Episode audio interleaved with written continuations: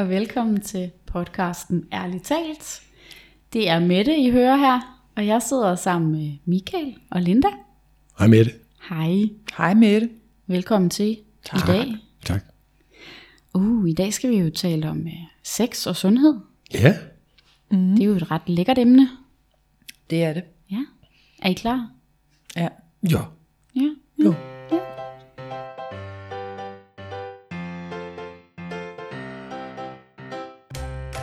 Ærligt talt. En podcast om sex, parforhold, kvinder og mænd. Med seksologerne Linda Moos Hansen, Mette Hertz og Michael Frey. Er I sunde? Ja, jeg skulle lige til at spørge om det samme. Så er ret sund. Mm. Ja. ja. Det går meget godt med sundheden. ja. Ja.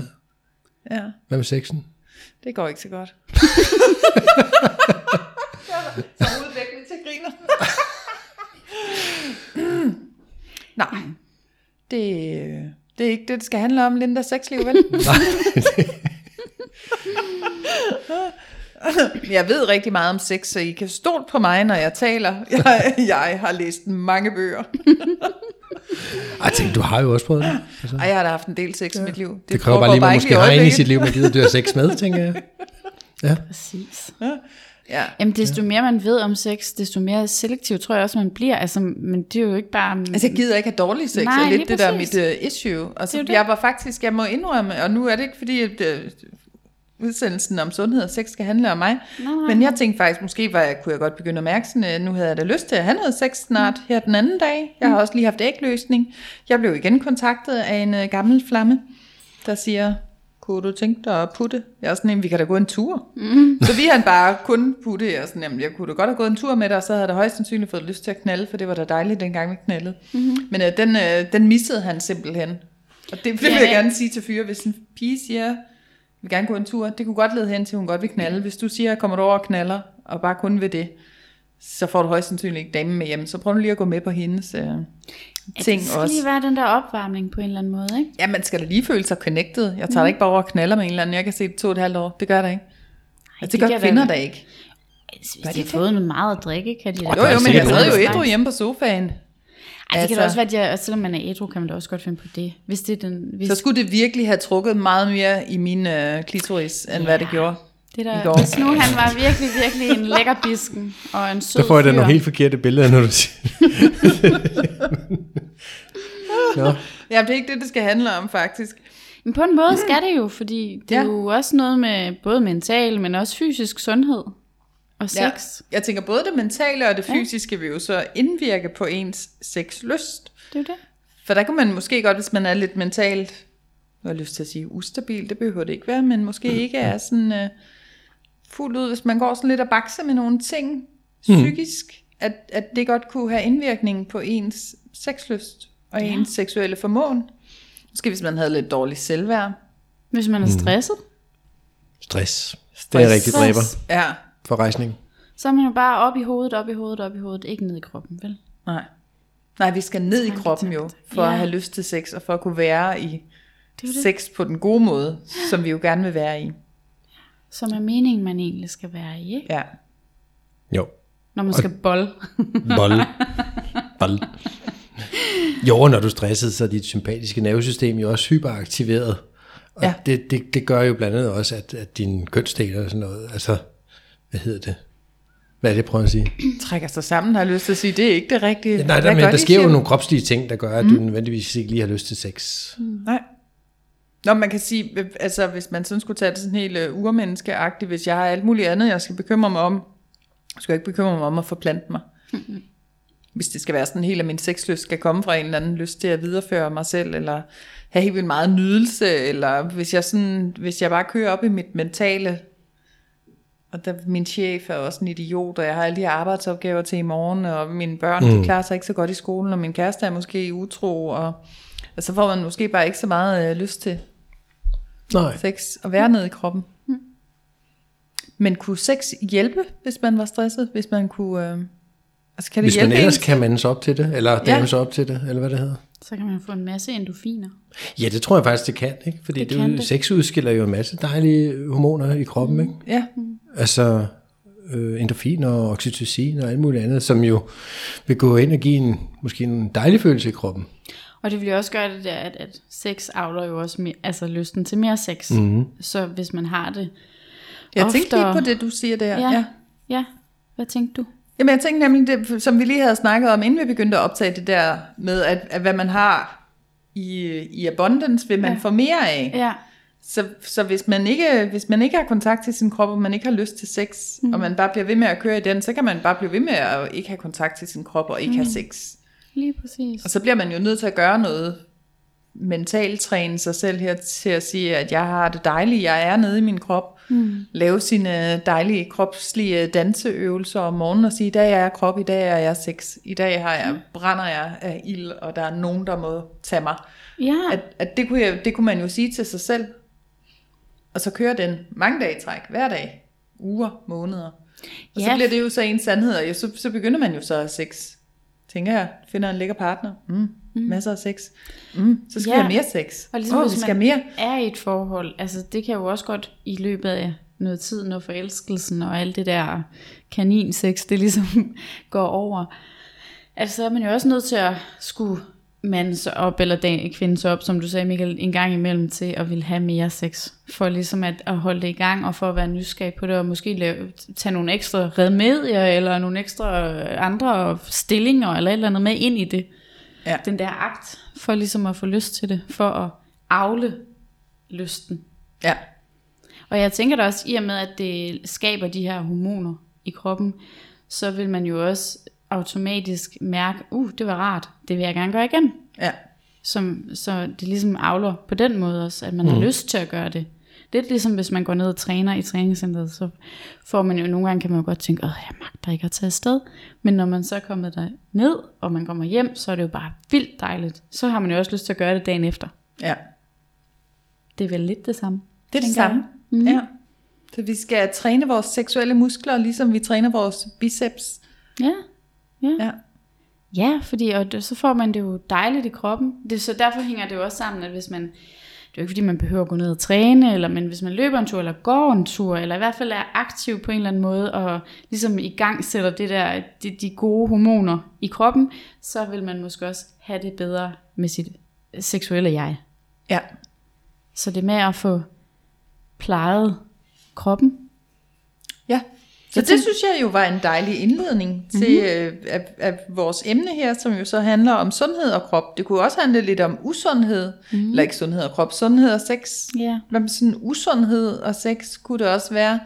Hvad er det, der ligesom kan måske kropsligt spænde ben for, at jeg overhovedet kan få kontakt til min seksualitet, eller der kan gøre, at jeg lukker ned for min seksualitet som menneske? Mm. Der er jo flere ting. Masser af ting. Usund mad, Usund mad, alkohol, Alkohol. alkohol. rygning. Jeg sidder og føler mig truffet. Ja, er det alle dine Jeg ting? ting? alle de ting der. Men har du manglende sex med det? Nej, Nej. nej, nej, nej, Så er det ikke et problem endnu. nej, nej. Endnu. Det er bare en lille last, men så de andre ting, ikke? Jeg tror, dit sexliv vejer op for de der cigaretter Men det er der. det, jeg tænker. Ryg du bare. Ja. lidt endnu. Jeg nyder det lidt endnu. Ja. Ja. Der er sådan noget med overvægt, ikke?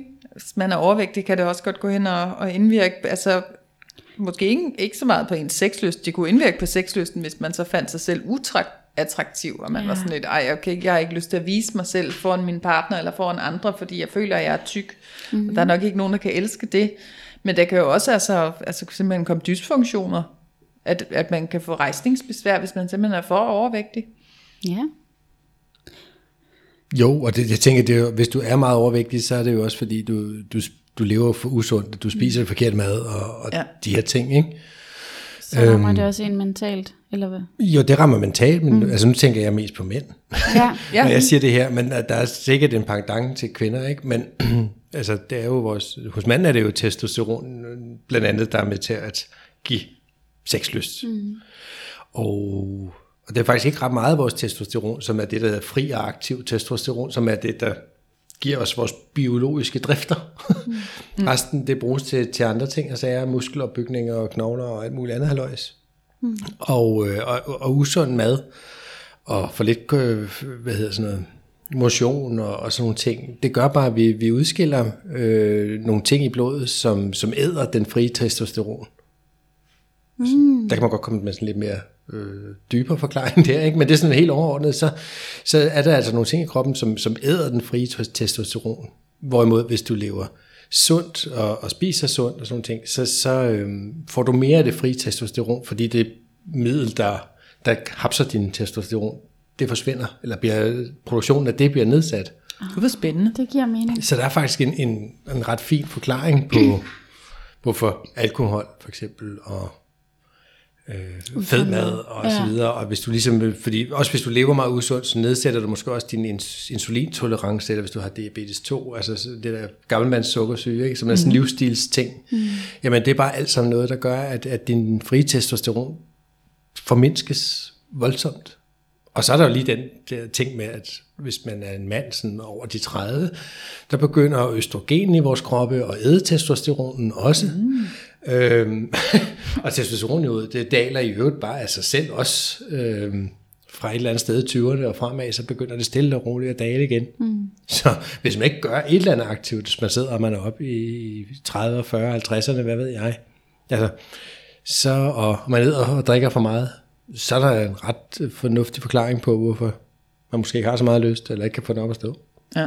Men det ved man da også bare, altså nu kan jeg jo kun tale ud fra mig selv som kvinde, men når man har været, har spist en stor fed portion, et eller andet fed mad, altså så er det da heller ikke lige, fordi jeg tænker, ej nu skal jeg bare ind og lave en masse øh, lagen gymnastik. Altså det er da ikke, det, det, man, ens mave er oppustet, og man er en lille smule puh, mæthedsfølelse og sådan. Det er jo ikke det, man har lyst til, men derimod, hvis man har spist noget, noget friskt, sund mad, så er den der jo mere. Ja. Så har man da mere lyst til at hoppe derind. Ja, man bliver jo simpelthen tynget af at være ja. for midt, og, sådan, og så er man også bare tilfrids for det. Mm, det er også, jamen, vi har også, også den der slikpose der, den kan vi da bare lige æde i stedet ja. for, så, og så får man også en overdose på slik, og kan vi tage et afsnit mere af det der Game of Thrones, eller hvad det er, vi ser på Netflix, mm. sammen, den nupper vi lige. Det er det. Ja. Og så har man også brugt en god tid, hvor man egentlig var frisk på at sidde og spise chips og, eller slik og se det der ja. tv-serie, ikke? I stedet for at man måske havde brugt en ekstra time, halvanden på at vaner og øve sig. Ja. I sexen. Ja. Ja, ja, ja. Men altså, det, jeg kan jo selv mærke det. Nu er det ikke, fordi jeg spiser sådan usundt, usundt. Det var også en overdrivelse før, men efter fødslen og graviditeten, så er jeg jo altså taget, jeg tror, at jeg har, jeg har taget mange kilo på, og jeg har også tabt nogle af dem, men jeg vejer da stadig måske 6, 7, 8 kilo mere, end jeg gjorde, før jeg var gravid. Mm. Og jeg har aldrig været overvægtig, eller været sådan, jeg har været meget normal. Mm. Og det kan jeg da godt se på mig selv, at når jeg kigger på mig selv, eller i sådan en seksuel situation, så tænker jeg da over det. Altså ja. lidt mere, fordi at det er en, en krop, jeg ikke er vant til at kigge på. Ja. Så den skal jeg da lige arbejde med og sige, det er okay, det er sådan du ser ud, og der er en grund til det, og det er okay, og du gør noget ved det nu. Og, men, men altså, det, det har noget at sige. Ja. Så, så det kan vi faktisk godt tale ind i det der med altså postgraviditet, ikke? Ja. At der, der sker jo noget med kvindens krop, og så skal man pludselig finde sig til rette i en anden krop. Ja, lige altså, det er jo stadigvæk ens egen krop og den samme krop, men den, er jo, altså, den har jo den har ændret sig. født et barn. Altså, så ryger vi jo ned i bækkenbunden. Ned i bækkenbunden, der, ja. Nu er vi nede i bækkenbunden. Ikke? Altså, bækkenbunden har jo virkelig været udsat for både presset af at, at bære det her barn i ni måneder, og plus at skulle udvide sig og føde, og alting er blevet skubbet lidt rundt under den her fødsel. Altså, så, så står man jo også tilbage med en anden krop, mm. end den, som man øh, lagde ud med. Det gør man. Så der skal noget øh, både mentalt, men også fysisk træning til at acceptere sig selv, som man ser ud, øh, men også måske også tage sig sammen til at måske at få lidt af det tilbage igen. Ja. Fordi det er jo okay, at man ser ud, som man gør. Men man skal i hvert fald lige bruge lidt tid på at finde ud af, okay, hvem er hende der, der står inde i spejlet, som plejer at se anderledes ud, og have en måske mere struttende bryster, eller hvor kommer den der delle på maven fra? Ikke fordi der er noget vejen med en delle på maven, men når man ikke er vant til at have den, men en helt flad mave, så er det delt med godt nok mærkeligt at se på. Ja. Lige pludselig. Ja. Det er det. Så det, Altså, og nu har jeg jo nærmest haft det med mig, at det skulle jeg tænke over, og det ville der nok ske, og sådan og taler om det derhjemme og her. Så jeg arbejder jo med det, men jeg kan godt forstå, at man ville måske kunne gemme sig lidt og have lyset slukket, eller hvad man nu vil gøre under Ja. ja. en sexakt, fordi man vil være bange for, hvad tænker min partner nu om det her. Ja. Måske har, måske har du fået en masse strækmærker af også at være så gravid. Mm. Du er sådan helt sprunget i huden. Og Det er der jo nogen, der får. Ja, og så pludselig ser man sådan helt skadet ud, mm. og det skal man da også sådan lige... Øh, Ja. ja. Så er der hele bækkenbundssituationen også, ikke? Den er vigtig lige at vende øh, tilbage til. Vi vender vil hele tiden gerne tilbage til den der bækkenbund der, ikke? Mm. At, at det jo ligesom er den, der holder på hele vores underliv. Og nu har jeg jo i dag siddet, og det er ikke, fordi jeg ikke tidligere også har studeret bækkenbunden, men jeg har studeret lige lidt mere op på bækkenbunden i dag. Mm. At, at den er jo faktisk holdt af sådan et lag muskler, der ikke er mere end en centimeter tykt Præcis. i det hele taget, som skal holde alt, hvad vi ligesom har siddende af vores organer. Jeg har lyst til at sige det faktisk nærmest det hele. Jeg ved ikke, om overkropsorganerne, de hænger jo nok fast på overkroppen, ikke? men altså hele vores underliv og det meste af tarmsystemet og sådan noget, det hviler jo og læner ned i vores mm. bækkenbund. Ja, fordi så er det jo også vigtigt at sige, at det er jo ikke kun kvinder, der skal øve, træne sin Nej, det er også øh, mænd, men kvinder, vi har jo noget mere, og det var det, som jeg så bed mærke i i dag, det er, at mænd skal selvfølgelig også træne deres bækkenbund, og det er rigtig godt for mm. ligesom at kunne kontrollere deres øh, afløsning, har jeg lyst til at sige. Udløsning. Afløsning, udløsning. Det skal afløses. Ja, øh, udløsning. Mm. Ja, men Blandt kvinder, vi ja. har, Og altså, vi har mere brug for det, fordi at vores bækken jo er bredere end mandens bækken. Fordi vi er, altså, vi, der skal jo kunne passere et barn igennem vores bækken. Mm. Det skal der immer væk ikke i en mands. Nej, Så, så der er ikke lige så meget, altså hans øh, muskulat, eller hvad hedder det, knoglemassen er ikke lige så åben, som vores er. Altså vi er meget mere åben, og, og det bliver egentlig holdt af det der sådan forholdsvis tynde muskellag, som ligesom er sådan en, en hestesko rundt om vores øh, tre huller. Vi har så også tre huller, mm. at det ligesom skal kunne lukke rundt om, hvor manden kun har to. Så, så kvinder Jamen og plus, har bare her mere en opgave i at træne vores bækkenbund. lige præcis, plus at under, nu taler vi så lige graviditet igen, men der bliver den jo mere øh, på grund af hormoner og sådan noget, og fordi den skal udvide, så bliver den jo, hvad hedder det, bækkenbund jo, eller knoglerne og alt det der nede jo mere, hvad hedder det, elastisk eller blødere, for Ja. ligesom at kunne udvide sig og give plads til alt det her. Så der er det jo også vigtigt, at musklerne dernede er stærke, så det er meget vigtigt at træne sin bækkenbund, både før og under og efter en graviditet Ja. ja. eksempelvis. Så Ja. vi skal gøre det hele livet. Ja, det skal vi altså. Hvordan, hvornår skal man gøre det? Har man så lige tid til det? Tænker jeg, mange spørger om. Ja, altså man kan jo sagtens sidde og spise slik og chips og se øh, Netflix-film, og så stadigvæk sidde og træne sin bækkenbund. Det er jo ikke sværere end det. du Eller kan jo altid træne din tænder. Du kan træne din bækkenbund, mens du børster tænder. Måske du i starten er det ikke så rød godt at lys. skulle gøre noget andet, mens man træner sin bækkenbund, fordi det kan jo være, altså det er jo lidt nogle sjove muskler at, at skulle have fat i, er jo også det. For så kan man sige, "Nå, hvordan træner min bækkenbund? Om det skal ligesom være, at du har, hvis vi siger, at det ligesom er sådan en hesteskosmuskel, der, der bruges til at lukke for anus, for, øh, for skeden og for, for urinrøret. Ja. At det så ligesom er dem, der skal strammes, så de ligesom trækker sig lidt op, og så er det ligesom lukket der. Og, og det vil vi jo gerne kunne, sådan så vi ikke, det ved, bliver urininkontingente. Det er der ikke nogen, der har lyst til at være, vel? Øhm, så, men det kan jo være svært at isolere de der muskler, fordi det er nogen, hvad bruger jeg dem ellers til? Det er jo ikke ligesom sådan, min arm, den kan jeg løfte op og ned. Jeg kan tydeligt se, at jeg Og løfter min arm op og flere ned. gange om dagen. Rundt til mange Automatisk. ting. Ja, hvad bruger min bækkenbund til? Men jeg tænker, et eller andet sted bruger jeg den jo hele tiden til sådan at gå og, og sørge for, at mit underliv ikke falder ud. Mm. Så den er jo hele tiden aktiveret, men sådan at få den sådan rigtig aktiveret.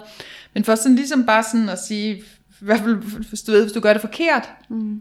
Altså det handler om at få lukket af for, for anus og for skeden og for urinrøret. Der kan du så ligesom træne, om du har fat i det rigtige ved at prøve at klippe strålen over, når du tisser.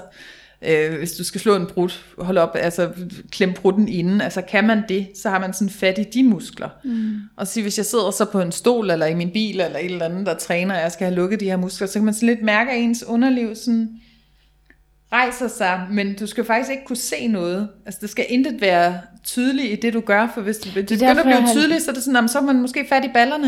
Ja. Ja. Man sidder måske og strammer med ballerne for at stramme det op. Altså, det er sådan nogle hjælpemuskler, ikke? Baller og lår hjælper til også det der. Jeg har sådan, det er derfor, jeg har sådan lyst til at spørge, gør I det nu? Men så vil du ikke kunne se mig. Lige nu sidder jeg og hopper. Det er min balle.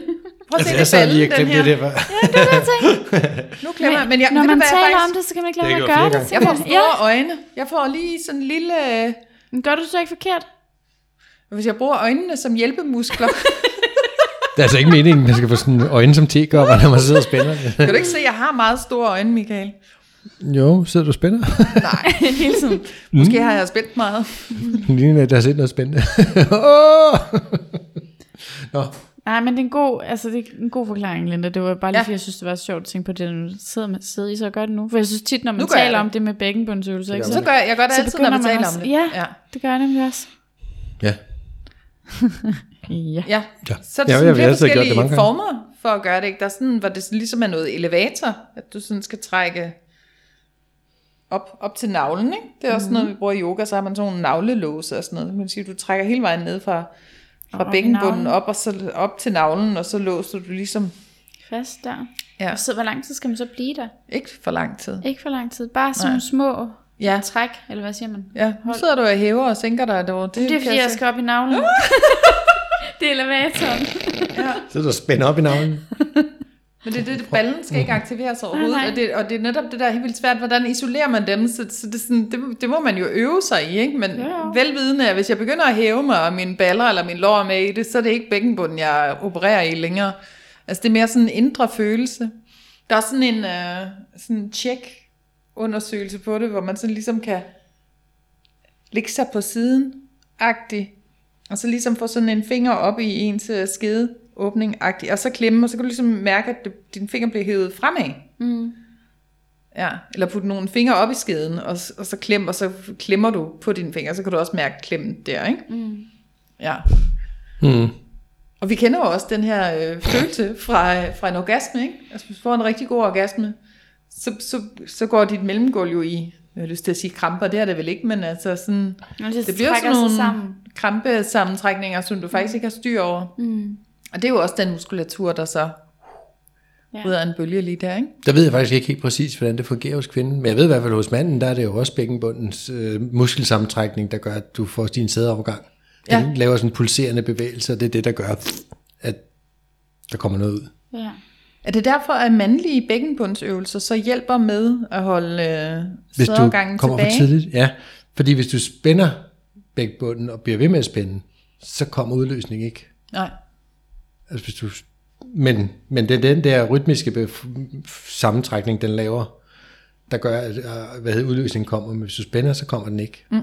Det Hvordan huske, vil en mand så lave en uh, bækkenbundsøvelse? Skal vi lige give lytteren den også? Ja, men det skal vi da. Men jeg, jeg skal bare lige sige, jeg, jeg, jeg, jeg tænker, jeg, jeg kan ikke huske, jeg tror engang på uddannelsen, vi hørte om, eller også har jeg læst det i en bog eller sådan det er også lige meget, at, at man, sådan et trick, det er at, til at holde vil, helt vildt hårdt omkring lige under pikhovedet. Mm. Det skulle kunne gøre, at man så ikke får udløsning. Mm.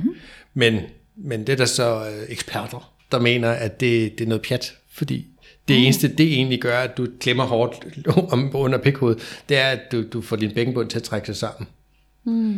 Så det er det, der sker, og det er det, der... Så det kan du lige så godt bare træne, uden at så få et eller andet Men det ubehageligt lyder klem om heller ikke pikhovedet. særlig sundt at så holde, altså, og, Nej, give sådan en rigtig hårdt klem nej, lige under det synes hovedet. jeg da heller ikke. Altså, det, Men det, det, det da der gør, det er, at du så spænder du, og så Ja, ja. ja, kommer udløsningen ikke. Ja, okay. Så det er ikke Men klemmet om holder man pikhovedet, så der ikke gør det det. der øh, sæd tilbage?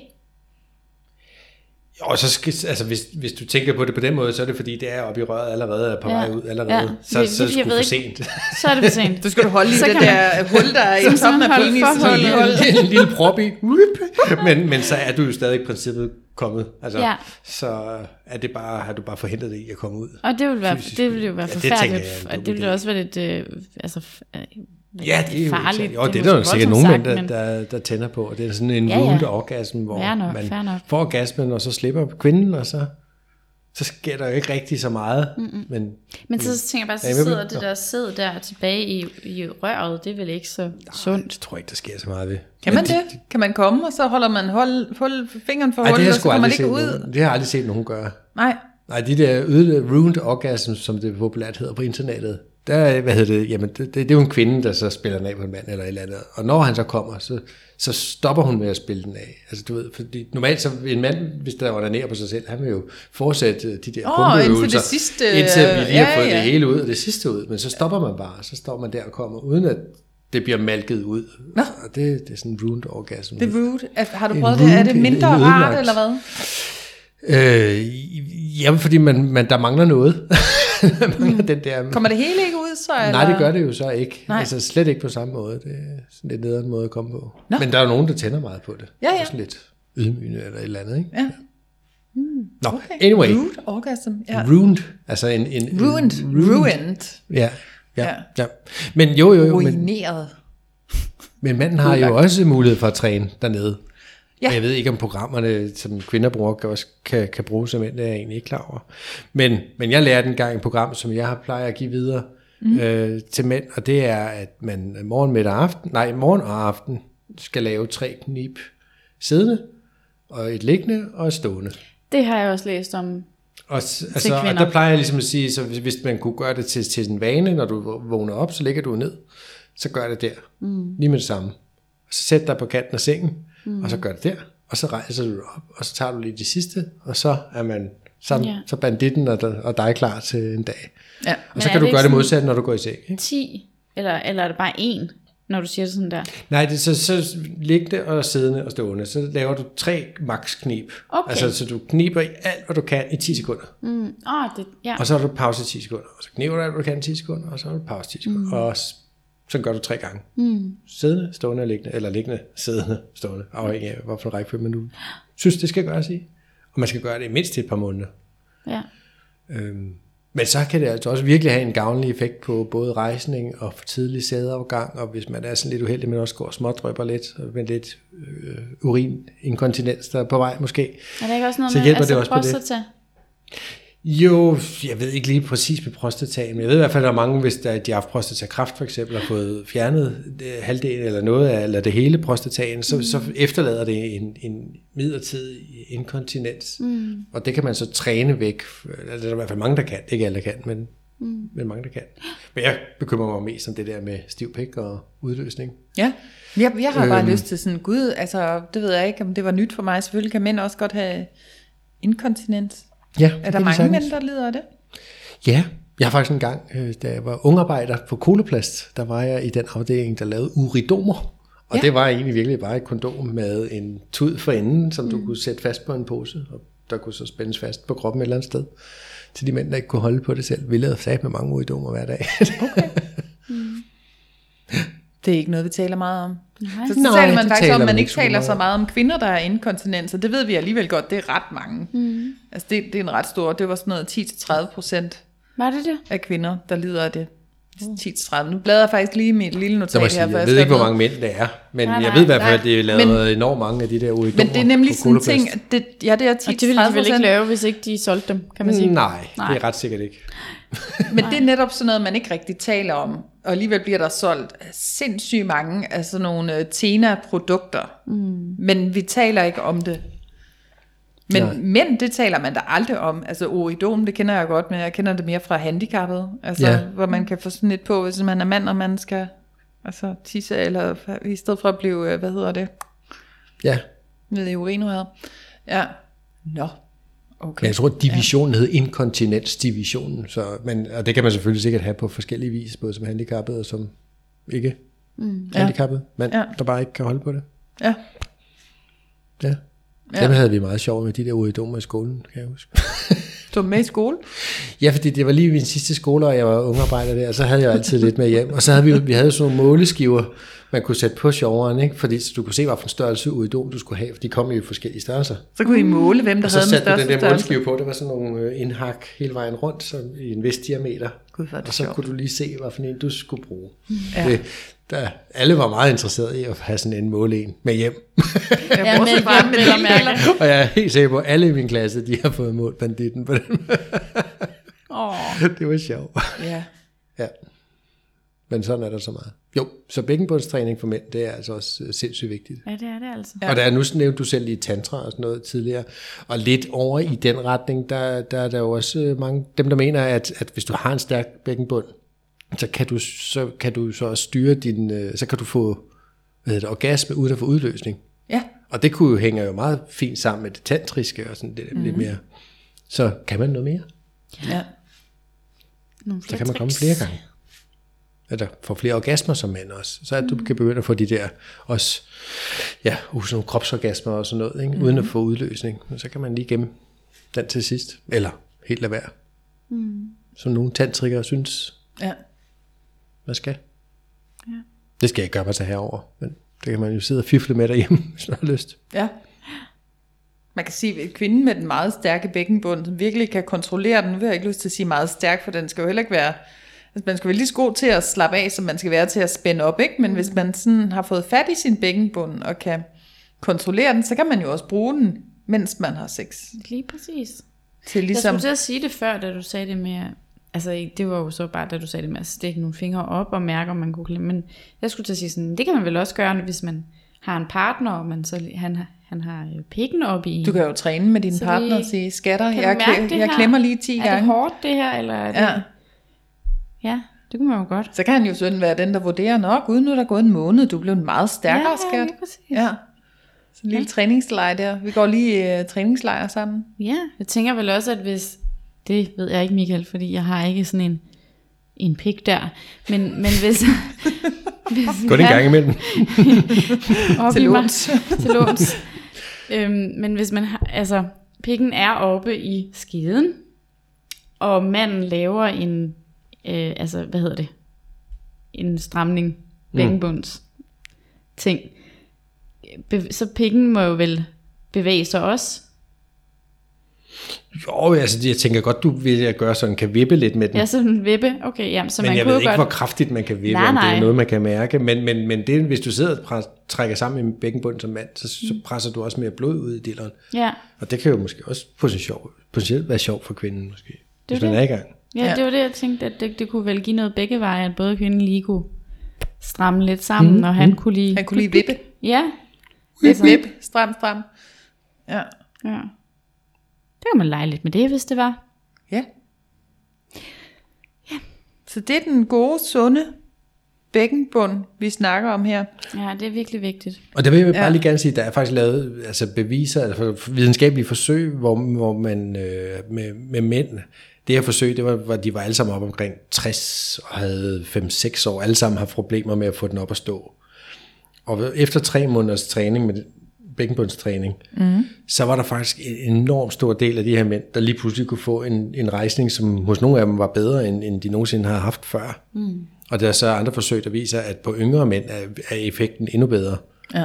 Øhm, så, så det er faktisk bevist, at den her træning kan gøre det bedre end Viagra. Ja. Ja. Så det synes jeg, jo, hvis man har lidt den udfordring som mand, så, så er det et sted, man skal starte med det samme. Altså, Ja, og så har jeg tålmodighed. der, hvor du sidder og lytter Det lige nu, der kan du også sidde og gøre uge. det, ikke? Så bare gør det. Ja, netop. Jeg Og gør det. Jeg gør det. Og det er ikke noget, der kommer efter en uge. Nej, Det er jo noget, man det, skal have det, det, det tager jo med. ligesom at træne alle de andre muskler, så Lige tager det præcis. også lige lidt tid. Men jeg synes, det er sådan, det ved jeg ikke, om jeg ligger for meget i, men det er tankevækkende, at, at vi igen vender tilbage til det der med, så nu er det noget med bækkenbundsøvelser og sådan noget, men hele tiden der med, kom ned i kroppen, mærk Ja. ja. dig selv. Det har noget med den her sundhed at gøre, både mentalt og fysisk. Ja. Og det kan gøre noget for det her sexliv. Ja. Ja. Ja, og jo, altså, jo mere du sådan motionerer og tænker over, hvad du spiser, og deri tænker du også på din krop. Mm. Jo mere krop du bliver, jo bedre vil du også have kontakt med din seksuelle energi, og jo mere sex vil du have lyst til at have. Men også fordi du får mere overskud. Altså, Ja. Ligesom penge avler penge, så at bruge energi avler også energi på en eller anden måde. Ikke? Nu meget mærkelig sammenligning, men altså, Jamen, det er rigtigt. Jo. Det, det, altså, så, og det er jo ikke fordi, man behøver at være øh, maratonløber hver weekend. Det er jo ikke den, vi er ude i, at, altså, at, at gå en god tur, og måske træne en, to gange om ugen. Det er jo, også, det er jo bare det der med at få brugt sin krop og få gjort noget. Jeg tænker bare, det er vigtigt, ikke, at det er jo ikke fordi, vi sidder her, nogen af os er sådan elite øh, motionister, eller hvad hedder det? Nej, det vil jeg synd at sige. Så, så det, altså, og alligevel føler jeg da sådan, jeg føler, jeg er sådan forholdsvis sund. Ja, jeg ryger, og jeg drikker også. En gang imellem. Men Den tænker jeg også er meget god, for den får ja. Ja. dig også ned i kroppen. ja, hvad for en får man ned i kroppen? Alkohol. Ja, det gør den, men den er ikke god. Nej, nej, men altså, du ved. Men et, et glas eller to, hvis man er på en date, hvor man er lidt nervøs, så kan man da løsne lidt op. Mm. Ingen tvivl om det. Men, men, men alkohol er ikke godt for kroppen. Nej, nej. Altså, Det er et øh, værre opløsningsmiddel. Ja, og lige for, for mænd, ja. der fungerer alkohol altså som gift for bollerne. Altså decideret. Ja. De hæmmer virkelig test, til, testosteronproduktionen Ja. og højner din østrogenproduktion, Okay. som igen er med til at, at øh, æde din, din frie testosteron. Altså, Ja. det, Det er noget, det er ikke godt. nej, det er ikke godt. Nej, det er det ikke. Og jeg mener en gang, jeg læste et eller andet sted, at op til tre genstande som mand, mm. det booster faktisk din testosteron. Men derefter så går det forsvinder det næsten fuldstændig, altså så går det drastisk nedad. Så det der med at have en whiskypæk, altså have drukket for meget til at kunne få den op at stå, det kunne måske godt hænge sammen Ja, helt med, sikkert. at du faktisk drikker din testosteron ud af kroppen. Ja, så den romantiske aften, vi skal have, det skal måske være med, at vi kun bare lige deler en flaske vin. Vi skal ikke drikke Og man tre. spiser ikke øh, brun sovs, der er lavet med fløde og, og flæskesteg, så man er helt fuldstændig oppustet. Nej. Så Jamen, det er jo så det næste, ikke? Det Ja, der, når ja. man har fyldt alt for meget i dunken, så man, kan man jo dårligt røre sig. altså, så hvordan skulle man på nogen måde kunne dyrke sex? Så der er ikke så mange, der knaller i december. Nej, det tror jeg ikke. det, ja, det, det, er jo så... Det, Julefrokost. Ja, ja, det er jeg skulle lige til at sige, Der kan de bare altså, spise sild. Kopimaskinen ude på arbejdspladsen, de der, det er jo bare for sjov, men de der ting, man siger med, med Mm. kollegaerne på arbejdspladsen, Men der er jo ikke helt løgn. nej, det er det vel ikke. Nej, jeg Det er tror, ikke- det, det er det vist ikke. Jeg tror, det der rygte, det kommer af en vis sandhed. Ja. Ja, Så den slags julemad gør åbenbart ikke noget. Men jeg ved ikke, om det er snapsen, der gør det. Ja, det bliver man jo helt det høj af. spænding, man kan også blive lidt høj af den spænding måske. Der kan også være ham der Ole, man har gået og kigget godt til det, ved, det sidste halve fra år. regnskabsafdelingen. Ude for regnskab. Med læsebrillen. ja. ja. Oh, men det er jo også, det ved vi jo også. Vi bliver alle sammen lidt mere modige, når vi har fået noget at drikke, ikke? Jo. Det er jo Ja. igen, som jeg snakker om før, fordi du mister lidt kontrollen over dine frontallapper, ikke? De bliver mm. bedøvet, og så kører vi lidt, lidt dybere ned i hjernen, og så er der ikke så mange hæmninger tilbage. Nej. Men det er jo det, jeg var inde og se den film, der hedder Druk. Nå, ja. Har I set ja. den? Nej, Nej. Den kan altså anbefales. Ja. Og der er det jo efter ham, altså de laver jo det her forsøg med at prøve at holde, er det 0,5 promillen, fordi der er en eller anden forsker, der, har, der altså siger, at øh, han mener, at alle mennesker er født med 0,5 procent mindre. Altså hvis man havde den promille mere, så ville man faktisk øh, fungere bedre. Fordi hvis man lige havde 0,5 i promille, så ville man lige have den her mere friskhed, man ville være lidt mere snaksalig, man ville være mere modig, man ville have overskud til flere ting, man ville simpelthen lige kunne klare tingene lidt bedre. Mm. Så det er jo det, de så forsøger i den her film. mm. Det der er, det er jo, at du skal jo hele tiden gøre mere for at holde det, så der kan ske nogle ting. Men det er så lige meget, men jeg synes bare, det er ret sjovt, at man siger, at egentlig så er vi født med en halv procent, eller en halv, 0,5 procent, eller promille mindre, end vi egentlig burde have. burde have. Ja. Ifølge ham her. Jeg kan ikke huske, hvad han hedder. Men vi kan da godt starte sådan lidt daydrinking. Ja, ja. Det, det kan vi sagtens. Men jeg kender det Ja, da godt ja. selv fra, at hvis nu man lige skal et eller andet, hvor man, øh, uh, man gider det måske ikke, eller, uh, men når man så kommer afsted, og man lige får det der, måske et glas vin eller noget, jamen så er det ligesom om, det, det kører lidt bedre, det er lidt nemmere. Mm. Man er lidt mere til stede, og lidt mere snaksalig. Så der, der er jo sådan noget om det. Problemet Der er også noget om, at det, at det bliver, man, så ligger man lidt de der tanker, hvis man sådan hele tiden går og tænker på, øh, badeværelset er beskidt, og Ja. børnene skal have lavet madpakker, og der er heller ikke lagt vasketøj sammen og alt det der. Lige præcis. Den kan være lidt lettere lige at slukke for, hvis jeg lige har fået to glas hvidvin, og tænker, "Nå, men nu har jeg egentlig bare lyst til at være krop og bare knalde. Ja, ja, ja, lige præcis. Så vi skal jo ikke sidde her og, og opfordre til alkoholisme, og det er Nej. jo ikke, fordi det skal foregå på, på hverdagsplan, det her, men, mm-hmm. men der er bare noget i det der med lige at slukke for hjernen, og der er alkohol bare Helt sådan en af de ting, hvor vi kan gøre det. Der er andre, de ryger marihuana. Så tager de lige et lille bøf på en lille joint. Bum, så, så bliver man bare også meget så mere træt. krop. Altså, Ja, så det, ligger og sove imens. Det, det, nej.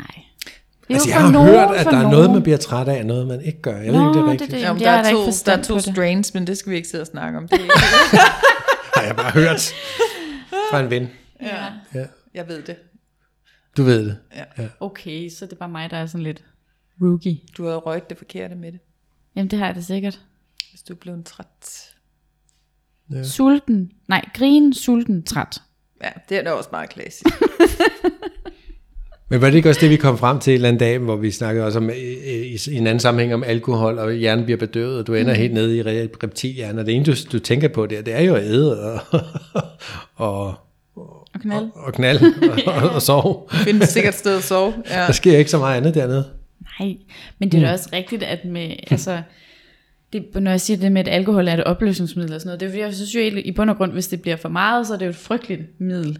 Men, men det der med, at altså nogle gange, hvis man har et eller andet, man godt kunne tænke sig at prøve seksuelt med kæresten eller et eller andet, så er det da også lidt nemmere, hvis man lige har drukket lidt sammen, inden ikke at, men altså så måske at kunne sige, ej det her vil jeg faktisk gerne prøve. Fordi så er det ikke nær så pinligt. Mm. Altså, så det, har, det kan jo mange ting. Så det, det skal heller ikke lyde som om, at jeg er helt højhellig. Det er jeg ikke. Jeg sidder faktisk her med et glas hvidvin ved siden af mig.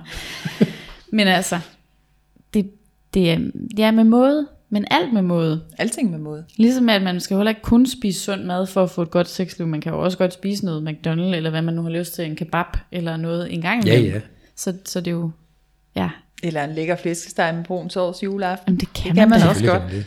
Eller and til morgens aften, for eksempel, som der jo lige har været. Som der lige er. Alt det der. Ja. Men det er måske ikke der, man så samtidig skal ligge den store planlægning om den store øh, elskov, sådan man skal have. sovs og brunede vær kartofler. lige, vær lige bevidst om, hvornår du planlægger det ene og det andet. Det er det. Ja, det kan være, at den der aften med sexen, det skal være sushi, hvor vi kun bestiller den lille pakke og ja. Ja. en flaske rislende Riesling Kold. til iskold. Lækker.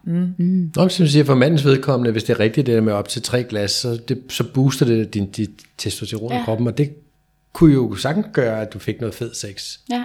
Altså, jeg tænker, jeg er med på den der, det er sandt for mange, at det er nemmere med lidt alkohol i blodet, mm. men det ville jo være federe, hvis man bare kunne være høj på livet, Lige i stedet præcis. for på alle mulige hjælpeting og sager, Helt ikke? sikkert. Altså, Ja, ja. Ja, Men det er jo så, så heldige kan vi da heller ikke Nej, være, det så kan vi bare kan ikke. sidde og det være høje godt, på synes livet. jeg. Vi er jo bare mennesker. er høj på livet. Fordi selvfølgelig er det jo også federe at kunne have, altså til hverdag, et sexliv, hvor man tør sige tingene, uden at være fuld. Ja. Men det var bare det, at nogle gange kan det bare være lidt sjovere en Ja, ja, ja. gang imellem. Ja, Men det er jo heller ikke sådan, at skal- du til hverdag, hvis du skal bolle på en onsdag, behøver at dele en flaske Vent, vin vent, vent, vent, vent, jeg skal lige have min shot. Nej, Det var sådan en shot stående. Ej, jeg vil sige, hvis det er tilfældet, så bør man måske kigge på det. Altså, Ja. ja. Så synes jeg da bestemt, man lige bør kigge på, hvorfor man ikke kan knalde uden. ja, netop. ja. For det, tr- altså, det tror jeg, at der er mange, der har det dilemma, at det måske er nemmere at gå ud i byen og være mega fuld, og så tage en med hjem og knalde. Og så måske ikke er så god til den med øjenkontaktsexen, og vi taler lige sammen om det, og vi er faktisk helt ædru. Ja, og jeg tænker også, den der, og det kan selvfølgelig være meget fint at have den slags seksualitet i en periode, hvis man synes, at der er noget, man gerne vil prøve. Mm. Øhm, der kan man sige, at det kunne måske være sundere med de der ting, man gerne vil prøve at gøre det med en fast partner. Ja. Øhm,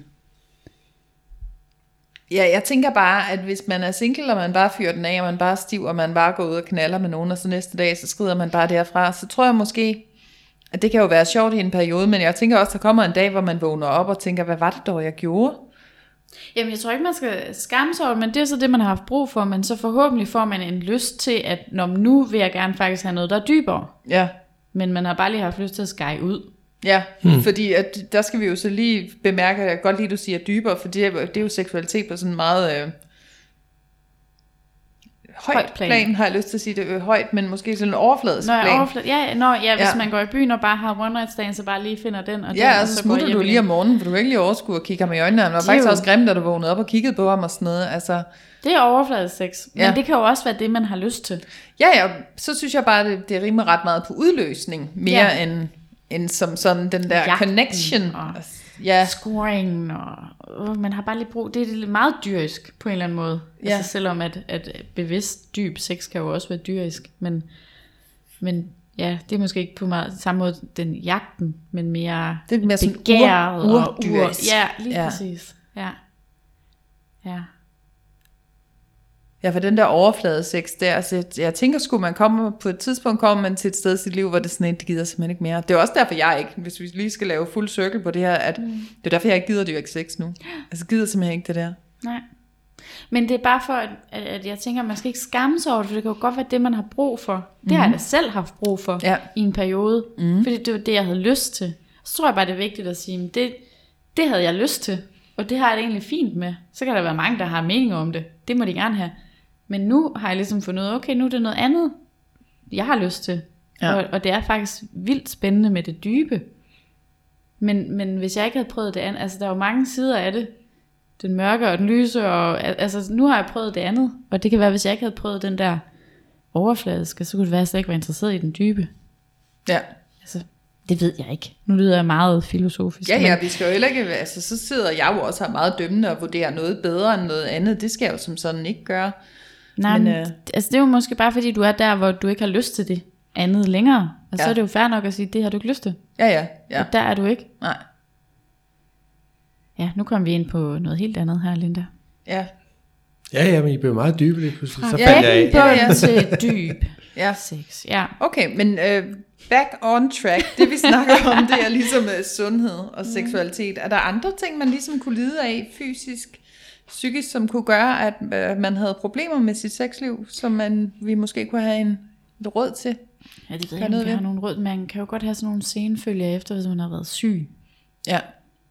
Altså, der kan jo være mange sygdomme, som gør både altså fysiske ar, mm. eller Du kan Men få noget medicin også, Ja, der ligesom medicin. kan slukke for, altså både at du måske, altså dine slimhinder tørrer ind, mm. At du altså fysisk faktisk nærmest ikke er i stand til at have sex, fordi det gør ondt.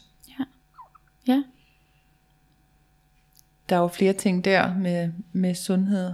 Ja, og den Sygdom, psykiske seksualitet. del, som gør, at man måske lukker af og, og ikke har overskud til hverken at tale om den manglende lyst til sex. Og derved, altså både at, at man mister connection med sin, hvis man er i et forhold, mister connection med sin partner omkring det. Og, altså der er jo mange ting, der kan gå ind og give nogle følgevirkninger, efter at man har været syg. Det kan både, altså det- hvis man har haft en, en, en sygdom, der har været fysisk, det kan være kræft, Ja. brystkræft, har faktisk ret mange senviljer, øh, hvad hedder det, senfølger efter. Øhm, altså dels øh, det udseendsmæssige, man kan få fjernet det i en bryst. Det kan gøre rigtig meget, eller begge bryst. Altså det kan jo gøre meget ved ens feminine følelser omkring det at have bryster er jo noget kvindeligt mm-hmm. i mange kvinders øjne, og Ja. måske også for manden. Det kan være svært for partneren at, at se sin kvinde uden bryster, eller med et bryst. Øhm, og så er der noget med, er det lymfekirtlen, noget væskedannelse, man kan få, så man faktisk får rigtig mange smerter, Ja. Og derved måske heller ikke har lyst til sex, fordi man har smerter Mm. efter operation. Som jo også kan gå ind og gøre, at, at man altså, bliver fysisk træt og psykisk træt og mister sexlysten. ja. Hvad er vores råd så her? Ja, altså først og fremmest, at man er nødt til at prøve at sætte ord på det. Det kan jeg være skulle så lige til at svært. sige sådan i tale Ja. det, ikke? Ja. Man er virkelig nødt til, fordi det er jo okay, når man har været igennem et langt sygdomsforløb, at, mus, mus, at man har det sådan. Så det, første er jo at sætte ord på det. Ja. Og så kan man måske finde andre måder at have noget intimitet på, end, end bare det der sex noget. Ja, ja, penetration er jo ikke nødvendigvis den eneste vej. Det er jo ikke den eneste form for sex. Nej. Mm. Det kan også være, at når man har været bange og syg, og man er blevet kommet lidt væk fra sin partner, at bare det at have fysisk kontakt, bare at ligge sammen, nøgne, Ligge nøgen sammen. Måske bare mærke give lidt hinanden, massage til hinanden. massage, lidt olie og lidt. kærtegn, helt nænsomt og kærligt, og finde hinanden igen. Ja. Ja. Altså jeg, jeg har haft flere par hos mig i min klinik, mm. og, og det, der, der er blevet sendt hjem for at lave sensualitetstræning. Ja, Altså ja. det er jo lidt det der med, at for, vi forbyder simpelthen sexen, Ja, fordi så er der, tager vi lidt, fjerner vi det pres, mm. og så, så giver dem nogle øvelser til, hvordan de skal komme i gang med at være tæt på hinanden og ligge i ske, og så skal den ene give det massage, og man må ikke røre kønsdelen, og alle de der ting. Og jeg tænker, at lidt den samme fremgangsmåde kunne man vel godt bruge, også hvis man er syg, helt sikkert. og skal have finde vej til at komme i gang igen. Ja, finde hinanden, finde sig selv. I, mm. Altså igen det med, så er der jo også en ny krop, man skal vende sig til. Mm. Noget nyt. Mm. Og man har måske, man er måske ikke helt den samme, fordi man har haft en sygdom, man har haft øh, nogle tanker, man har set en del af sit liv, som er ændret sig. Så man skal jo både finde sig selv, men også sin partner, og partneren skal finde en igen. Kommunikation, Ja, ej, hvor er det bare et dejligt Intimitet. ord. Kommunikation. Ja. det er det vigtigste ord. ja. Ja. Ja, det er faktisk ikke så tosset. Ja, det var jo så lidt den sådan, altså lidt meget dybere side af det med, med, med, med sex og sundhed og sådan noget. Ja. Ja. Men altså, så hvis vi tager det op på sådan et mere hverdagsplan, så er det jo igen det med, at vi vil jo ikke sidde og sige, at man ikke må drikke, og man må heller ikke spise noget usundt, og man skal bare træne hele tiden og sådan noget. Men det der med at holde et liv, hvor man passer på sig selv. Ja, ja, og det er jo, altså, jeg tænker alt i balance. Men, Jeg tænker og, også, og man kan træne for meget. Kan man ikke det? Det er det. Det ved jeg sgu ikke. Jeg Tror Det du er sådan en total trainingsfreak, der bare løber maraton hele tiden. Trainingsfreak. Trainingsfreak, som slet ikke har noget øh, fedt på kroppen, og sådan helt, altså... Ja, det ved jeg ikke. Jo, være, altså du har sådan nogen, sex, som er- du er fuldstændig gør- målorienteret, og jeg skal bare give hende her nogle orgasmer. Det, men det skal jeg jo selvfølgelig heller ikke. De, Nej. kan du mærke, at jeg bliver der lidt negativ nu? På de der trainingsfreaks. Altså dem, der træner rigtig, rigtig meget til maraton og nogle ting, de er jo mm. også enormt udsatte for at blive syge. Mm. Fordi deres immunforsvar faktisk bliver banket ned ja, af den der meget hårde træning.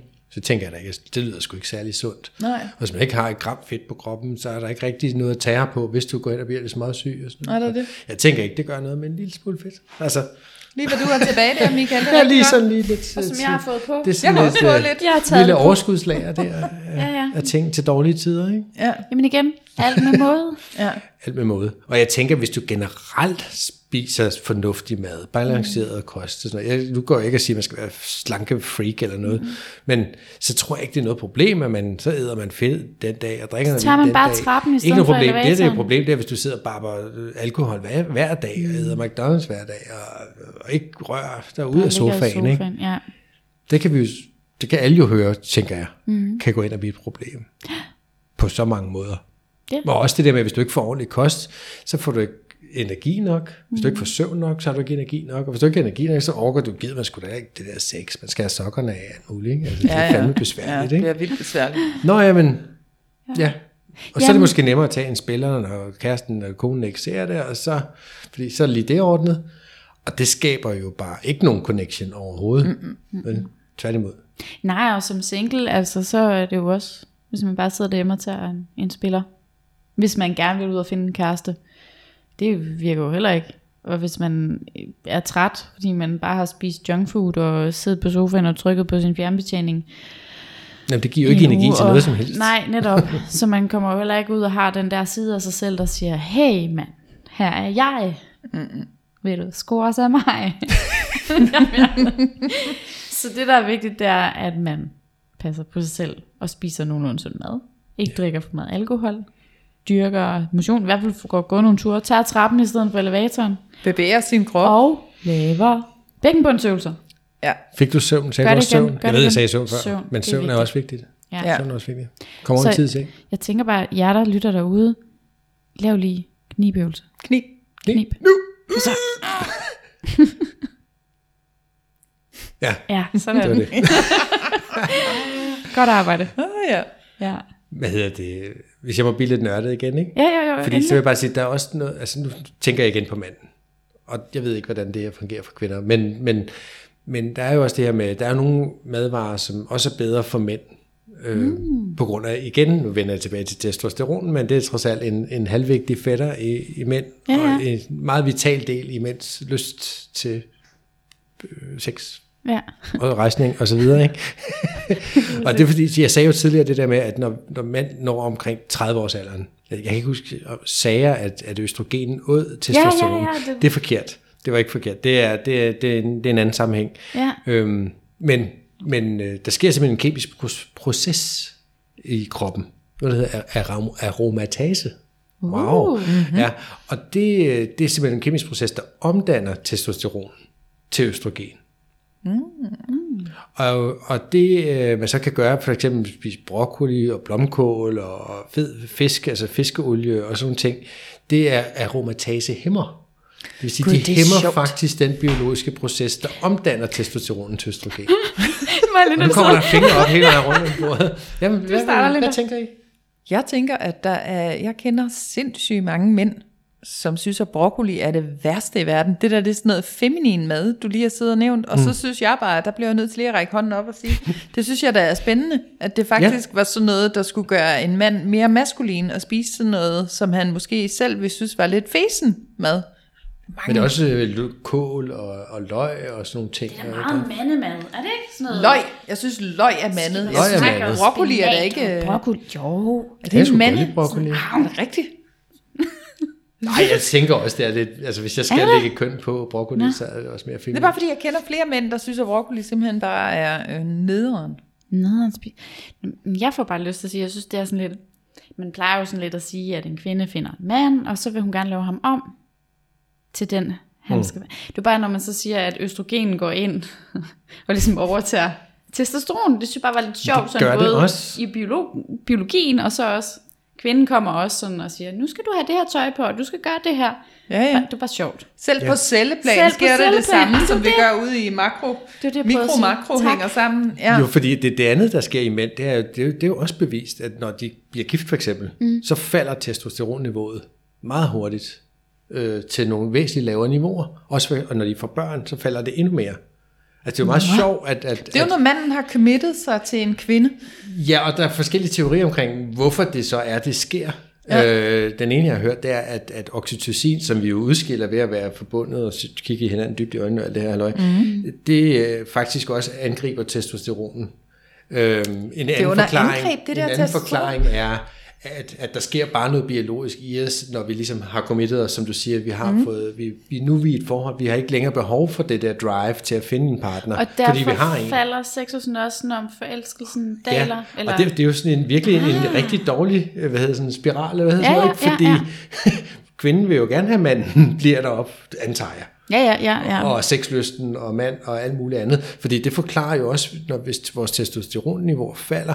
Nu har vi også før snakket om polaritet og det der med tiltrækning, og man er ude i sine poler, i sine feminine og maskuline mm. poler. Og der synes jeg egentlig er en meget god forklaring på, hvorfor noget af den maskuline pol, eller du ved, måske så forsvinder lidt, og gassen går lidt af ballonen, fordi mm. det, det, biologisk set, så bliver vi bare forandret, når vi ender i et forhold og får børn, for eksempel. Nå. Den langvarige Hvad sker der så med parforhold er jo faktisk ikke fordrende for sexlivet. Nå. Det er rent biologisk. Nej. Men altså, vi er jo i, mænd er jo også lavet til at skulle altså Mange. sprede sit Ja. Nu, så der er jo også en god forklaring på, når for dem, altså vi møder jo mange, som, der har været sammen længe som par, og så der er bare ikke rigtig noget sexhalløj tilbage. Mm. Det sker jo mange steder, og der Men- Men, er jo en del sådan, sådan biologisk forklaring på det. Jamen, det er der. Igen vil jeg bare vende tilbage til kommunikation. Ja. Ja. Men så kan man sige, at det er et problem, at der ikke er noget sex i det langvarige parforhold. For nogen, hvis det er for dem. Ja, hvis For der er nogen, der bare har det fint med det, så gør det vel ikke noget. Så er det vel fordi, at man kigger på samfundet og tænker, at er det ikke meningen, at når nu vi er mand og kone, så skal vi bolle, for ellers er vi jo bare fætter og kusine, der bor sammen -agtigt. At man kan blive øh, påduttet sådan en. Jo, men den er jeg nok også farvet af, så fordi jeg, jeg, jeg synes jo, at, at det er ret vigtigt, at det er et forhold. Altså personligt. Ja, men hvis vi så sagde, at nu havde du været i et forhold i 10 år, du havde faktisk ikke, øh, altså du, du gik ikke sådan og havde lyst til sex, og din partner var der også fint med, at I ikke havde sex, og I havde det dejligt, og der var en dejlig have, I gik og passede, og I havde nogle børn, og alt var egentlig dejligt og lækkert og harmonisk, og skal man så begynde at ryste i det og lave det om, fordi der ikke er noget sex? Nej, det, det, tror jeg ikke. Det kommer an på, hvordan man har det. Altså det kommer an på. Ja. om det par, der står der efter 10 år, kigger på hinanden og siger, hvorfor har vi ikke noget sex? Kan du ikke lide mig længere? Eller altså, hvis de bare begge to går og siger, ej, det er da bare, hvor har vi det bare dejligt? Jamen, så er det jo fint. Ja. Men, men hvis man, den ene eller den anden i forholdet, begynder at kigge efter andre, fordi man er bare helt øh, liderlig mm. og lystig, undtagen på den partner, man står og kigger på, man bare synes er kedelige, de der joggingbukser, man har haft på i de sidste 10 år. Altså, så er det jo så, så er det der et et problem. problem, ikke? Ja. Men det Jo. kommer an på, hvor, hvor man Der er er. kommunikation også en god ting. Lige netop, og det er bare derfor, jeg synes, at kommunikation bare altid er Ja. en vigtig nøgle. ja. Det er det. Ja. Sindssygt vigtigt. Ja. Så er vi kommet rundt om det hele, eller hvad? Kommunikere. Kommunikere. Kommunikation. ja. Det kommer også ind under sundheden, åbenbart. Vi kommer altid med det ord. Kommunikation, den, øh, den er bare over det hele. The key word. skulle tage sig en kandidat i kommunikation, så Ja, kunne man arbejde alle steder. Og kommunikere. Og kommunikere med det hele. Ja. Nu har vi Ja. da kommunikeret i snart en time. Det har vi. Det er da dejligt. ja. Og det er nogle vigtige ting, vi har kommunikeret. Det var vigtigt. Det synes jeg også. Ja. Det er nogle vigtige ting. Er der noget, vi mangler? Tror jeg. Ja, det er der Garanteret. måske, men noget, I kommer i tanke om, vi mangler? Jamen, det er et andet emne, det er til en anden god gang. Øh, for det er som sådan ikke sundhed, men det er jo også, øh, men alligevel, og også med bækkenbunden og alt sådan noget. Mm. Vi vender tilbage inden øh, med noget ekspert. En dame, der allerede er gået på den anden side. Jeg synes, vi skal tale om overgangsalder. Ja. Ja. Men det, det er ikke i dag. Nej, nej, nu har vi ikke mere tid, Linda. Nej. Så nu åbnede du op for et pragtfuldt emne. Det var en vi må teaser. En lille teaser. En En eller anden dag kommer vi med en uh, Det gør vi. overgangsalder. Vi finder en dame, der har Episode. været igennem det, og så, så kan vi to få lov at stille spørgsmål, og Michael kan komme med. Jeg ved ikke, om du kender en dame, der har været i overgangsalder. Har du været i forhold med sådan en? Mm, nej, Nej. nej. Nej, men jeg har et øh, brand, hvad hedder det, aktuelt emne i min vennekreds. Ja. Så ja, Ja. ja, jeg er sikker på, at det bliver nemt at støve en op. Tit man hører om det.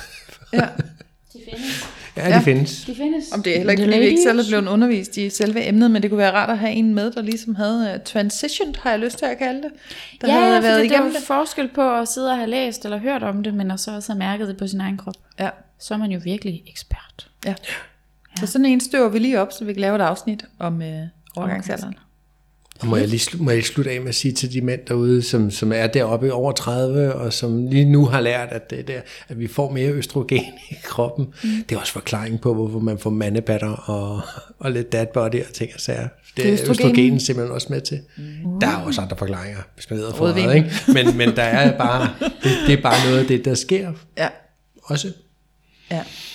Ej, hvor Så spændende. man skal ikke være Ja, så det var meget spændende. Jeg synes virkelig, du var klog, Michael. Ja, ja, noget broccoli, ja. mand, og noget blomkål du og nogle løg og noget fokus på det med mændenes bækkenbundsøvelse. Ja, jamen den synes jeg også, Også- er vigtig. ja. Men det er også fordi, Ja. den hænger sammen, også fordi det, det er de dårlige livsstil, den dårlige mm. mad, der, der også gør, at det dernede, det ikke fungerer. Og det har vi så også lige hørt nogle biologiske årsager til. Ikke? Mm. Så, Ja. så det, det hele hænger bare sammen. Ja. Men også Tre det med, at vi kvinder er så gode, åh, vi skal lave vores øvelser og sådan noget, men faktisk er det jo også vigtigt, at manden også får det gjort. Ja. Men det Ja. går man jo bare ikke og siger. Altså en mand, der siger, jeg går lige hjem og laver min bækkenbundsøvelse, det virker bare Og ikke på en mand, hvor det fungerer fint dernede. Ja, Ja, han ja. behøver som sådan ikke. Jo, hvis han har lyst til at øve sig i at kunne holde sine udløsninger tilbage og få orgasme alligevel. Mm. Det, Jamen, er det ikke også godt nok at for, hvad hedder det, for. For, forebyg, tak. jo, jo. Det kan vel Jo, aldrig det- skade. Nej, det tror jeg ikke. Lige så vel som at, det øh, at træne ja. dine arme er vel også okay at holde dem i orden, til de bliver gamle. Ja. Mm. Så man kan forebygge dilleren Dilleren. og de andre sager dernede. Fedt. Nå, Tak det, var, for i dag. det har været en god episode, vi fik Ja, her. ja, det må Ja. man sige. Ja. Sex og sundhed. Sex og Sex og sundhed. Vi vender tilbage næste uge. Ja, Skal det gør vi. gøre det? Yes. Ja. Kan I have det godt? Lige måde.